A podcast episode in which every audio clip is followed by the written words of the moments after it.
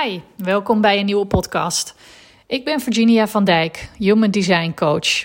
En ik help dagelijks vrouwen en gezinnen met het inzicht in wie zij van nature zijn. Maar ook om weer meer volgens die natuur te gaan leven.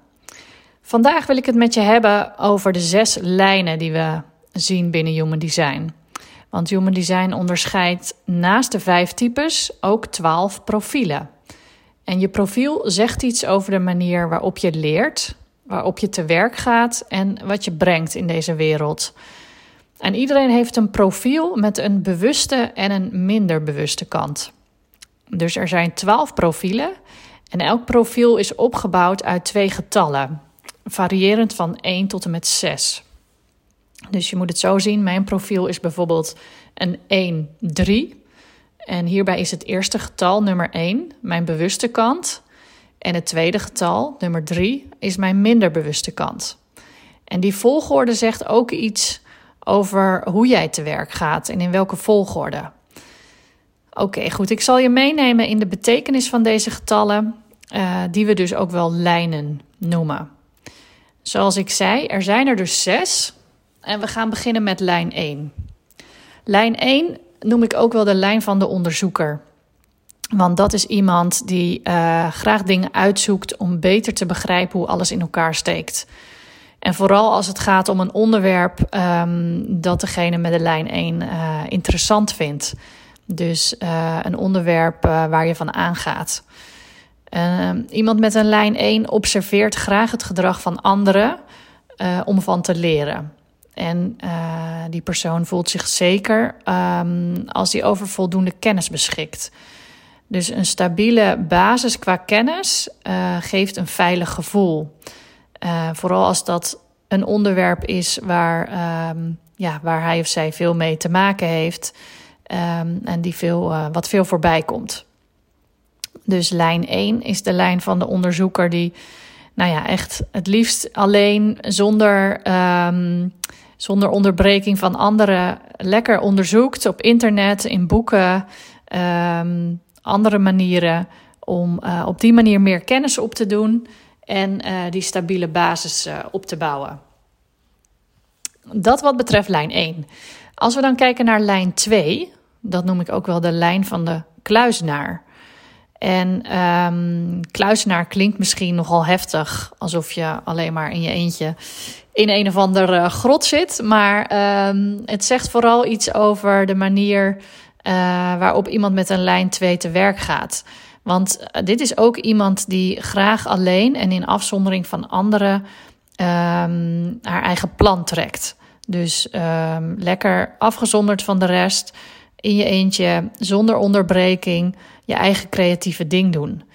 Want die creativiteit, die zit ook echt in die lijn 2 creativiteit, schoonheid.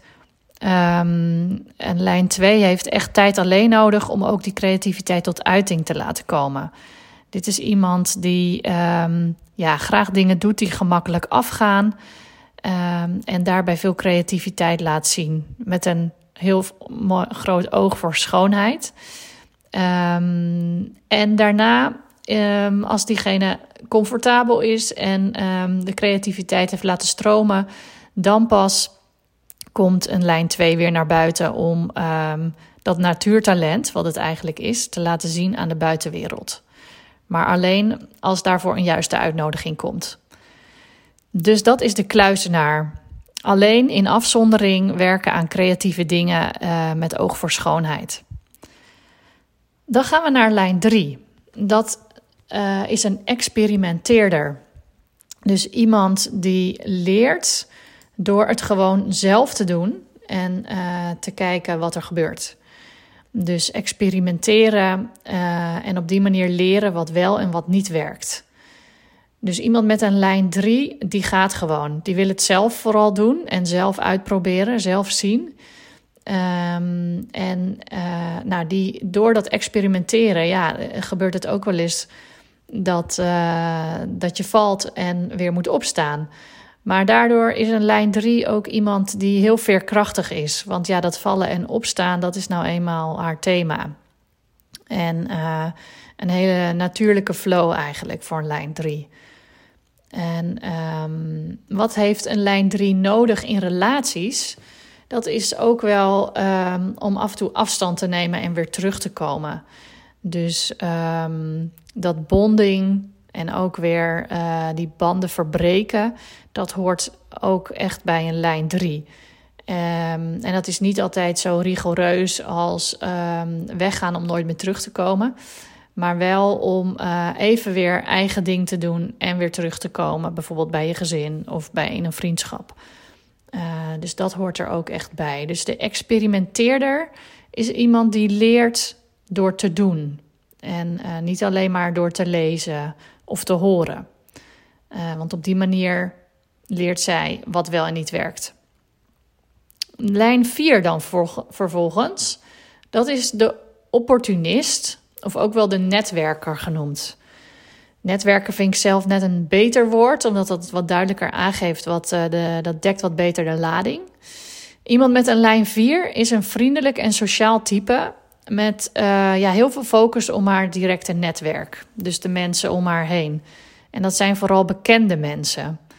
Uh, een lijn 4 is iemand die um, ook vooral kansen uit haar netwerk krijgt en ook kansen geeft aan mensen in haar netwerk. Want een lijn 4 is vervolgens iemand die de ontdekkingen van de lijn 1, 2 of 3, die we hiervoor besproken hebben, uh, naar buiten brengt. Die ziet namelijk van hey, dit is iets goeds, uh, dit ga ik vertellen aan mijn netwerk. Um, dus die heeft echt meer een taak om um, nou, goede ontdekkingen uh, met de buitenwereld te delen.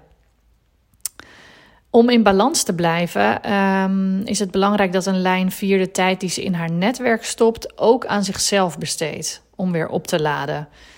Want het gevaar is dat een lijn 4 te veel met anderen bezig is en te weinig tijd uh, aan zichzelf besteedt. Um, dus dat is de tip voor iemand die een lijn 4 is. Dus de lijn 4, de netwerker, is degene die um, heel goed gaat op een ja, op, een, op een fijn netwerk om haar heen. En uh, dat netwerk gebruikt om zelf kansen uit te krijgen, maar ook om uh, mensen in haar netwerk kansen te geven. Dan daarna lijn 5, um, ehm, de ketter. Maar ik noem het liever de redder. Want een lijn 5 is iemand die altijd praktische ideeën heeft en praktische oplossingen heeft. Uh, ook wel out-of-the-box oplossingen. Um, dus als jij uh, ergens hulp bij nodig hebt, dan kijk je waarschijnlijk automatisch al naar iemand met een lijn 5. Dan weet jij, oh, uh, die gaat mij helpen met mijn probleem. En die lijn 5 die wordt dus ook vaak gezien als redder door anderen. Terwijl ze dat niet altijd wil of kan zijn. Want het hangt er maar net vanaf um, over welk onderwerp het gaat of wat voor soort oplossing er moet komen. Een lijn 5 is ook niet iemand die overal een oplossing voor kan vinden, natuurlijk. Een um, lijn 5, een redder, die kijkt altijd naar de wereld om zich heen, maar die komt alleen op het juiste moment naar buiten met een oplossing. Dus op het moment um, dat ze denkt van hé, hey, nu is het moment om, uh, om met iets te komen, dan, dan pas komt zij. Dus de redder, um, die wordt door anderen vaak gezien ook als redder en iemand die um, de brand gaat blussen. Eh, maar dat is niet altijd het juiste. En een lijn 5 moet er dus heel erg op letten dat ze alleen maar inspringt op problemen um, ja, die echt de juiste zijn. Dus waarvan um, de autoriteit aangeeft dat dat het juiste uh, probleem en het juiste moment is om te gaan helpen. Dus de redder. En dan de laatste, dat is lijn 6, dat is het rolmodel. Uh, het rolmodel is iemand die wordt door andere, uh, anderen kijken vaak op tegen een lijn 6. Uh, eh, omdat hij nou eenmaal een energie heeft, um, ja, dat ze het allemaal wel weet en dat, ze, ehm, ja, dat ze inspiratie kan delen. Een lijn 6 is wel iemand die alles wat meer van een afstandje bekijkt. En dat kan ook wel overkomen als desinteresse of autoritair. Um, maar daar, dat, daar komt het niet vandaan. Want vertrouwen is juist heel belangrijk uh, voor haar. En ehm, een lijn 6 is iemand die door drie fasen gaat in het leven. Dus als jij een lijn 6 hebt, check dan eens even of dit voor jou ook opgaat. Um, want de eerste 30 jaar um, van het leven gaat een lijn 6 als een lijn 3 door het leven. En dat betekent experimenteren met veel vallen en opstaan. Dus ontdekken wat wel en niet werkt. En um, vervolgens, tussen de 30 en 50 jaar, gaat een lijn 6 meer op de achtergrond aan de slag. Meer reflecteren op, goh, wat heb ik nou eigenlijk geleerd de afgelopen 30 jaar? Um, dus die neemt daar echt de tijd voor om iets meer naar de achtergrond te verdwijnen en meer tijd te nemen voor reflectie. Maar vanaf een jaar of 50 staat een uh, lijn 6 dan ook echt als rolmodel op. Komt weer naar buiten, naar de voorgrond en uh, kan anderen inspireren met veel wijsheid. Uh, en een rolmodel is dus ook iemand die heeft geleerd door te doen, door te reflecteren en daardoor weer terug te komen met alle kennis en wijsheid in pacht. Daarmee helpt een rolmodel anderen um, ja, ook bij problemen of vragen. Goed, dus de lijnen 1 tot en met 6. Ik zal ze nog even kort opnoemen. Lijn 1 is de lijn van de onderzoeker. Lijn 2 is de lijn van de kluizenaar.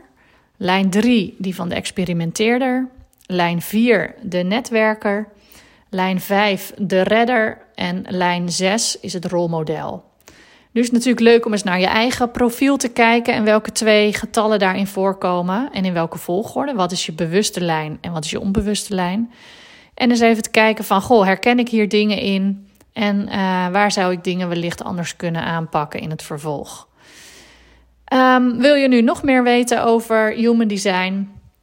Uh, ga dan naar mijn website virginiavandijk.nl of volg mij op Instagram. Daar ben ik te vinden onder Virginia van Dijk. Voor nu wil ik je heel erg bedanken voor het luisteren. Leuk dat je er was en uh, graag tot de volgende keer.